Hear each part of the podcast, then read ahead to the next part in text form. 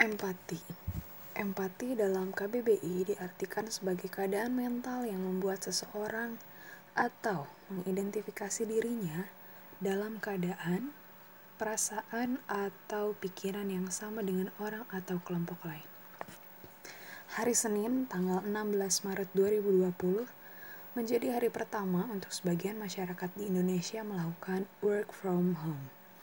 Kita semua dikenalkan dengan suatu hal baru akibat wabah COVID-19, di mana sekolah mulai diliburkan, kemudian disusul dengan banyak kategori pekerjaan lainnya untuk melakukan tanggung jawabnya dari rumah. Bukan hal yang percuma untuk orang yang dapat memaksimalkan waktunya sementara di rumah. Ya, sementara. Kata sementara ini sepertinya harus digarisbawahi. Wabah ini tergolong baru. Berbagai negara yang terdampak kelabakan menghadapinya Salah satu tindakan preventif yang dapat dilakukan adalah dengan tidak banyak melakukan kegiatan di luar rumah. Mengapa sementara? Kita semua berdoa dan berharap keadaan semakin membaik. Iya, lekas membaik. Kita semua belum tahu kapan badai ini akan berlalu. Empati.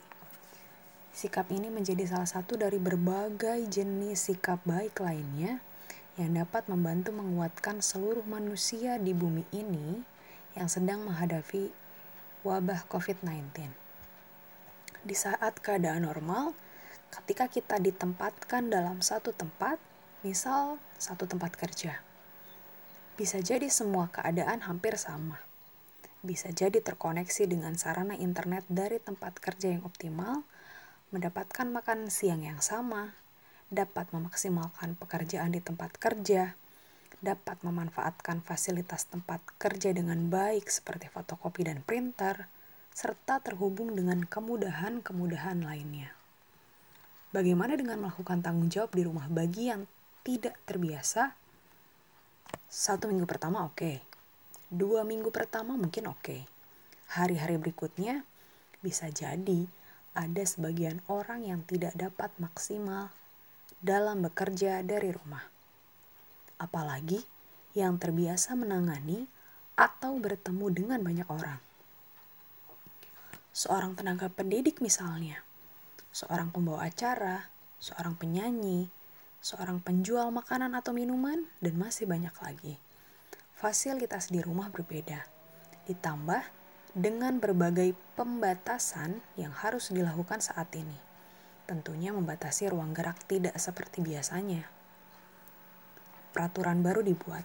Perpanjangan waktu bekerja dari rumah diperbaharui seiring belum adanya kejelasan aman bergerak. Mekanisme pekerjaan diganti.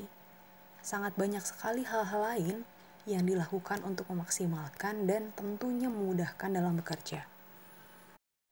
Dengan semua keadaan yang terjadi saat ini, kita semua berada dalam keadaan yang tidak sama ketika berada di tempat masing-masing, diperlukan berpikir panjang ketika akan banyak menuntut sesuai ekspektasi.